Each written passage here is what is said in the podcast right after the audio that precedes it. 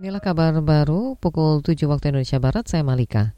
Pemerintah menegaskan wacana migrasi pelanggan daya listrik 450 volt ampere ke 900 volt ampere masih memerlukan kajian dan pembahasan lebih detail, termasuk memastikan rencana itu tidak memberatkan pelanggan yang menjadi sasaran. Juru bicara Kementerian Energi dan Sumber Daya Mineral Agung Pribadi dalam keterangan tertulis mengatakan rencana migrasi didasari keinginan agar subsidi listrik diberikan lebih tepat sasaran. Ia memastikan tidak ada pengurangan anggaran dalam alokasi subsidi listrik tahun 2023. Saat ini kata dia subsidi listrik dinikmati sebagian besar oleh seluruh pelanggan rumah tangga 450 dan 900 VA yang masuk dalam data terpadu kesejahteraan sosial DTKS.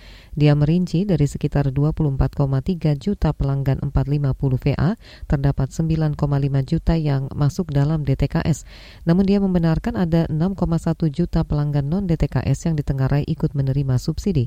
Angka ini didapat setelah survei dilakukan pada 12,2 juta pelanggan dari total 14,8 juta pelanggan 450 VA non-DTKS.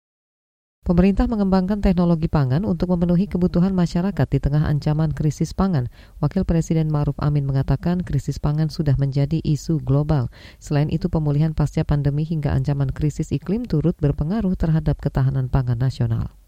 Hidroponik untuk sayur-sayuran untuk memenuhi kebutuhan masyarakat sehingga kebutuhan ini bisa terpenuhi dan terjamin kualitasnya dengan cara-cara modern ini juga ingin nanti mengembangkan model ini tapi dalam bentuk yang kecil tentu yang mini di pesantren-pesantren untuk juga selain pemberdayaan pesantren juga terpenuhi kebutuhan masyarakat di sekitarnya.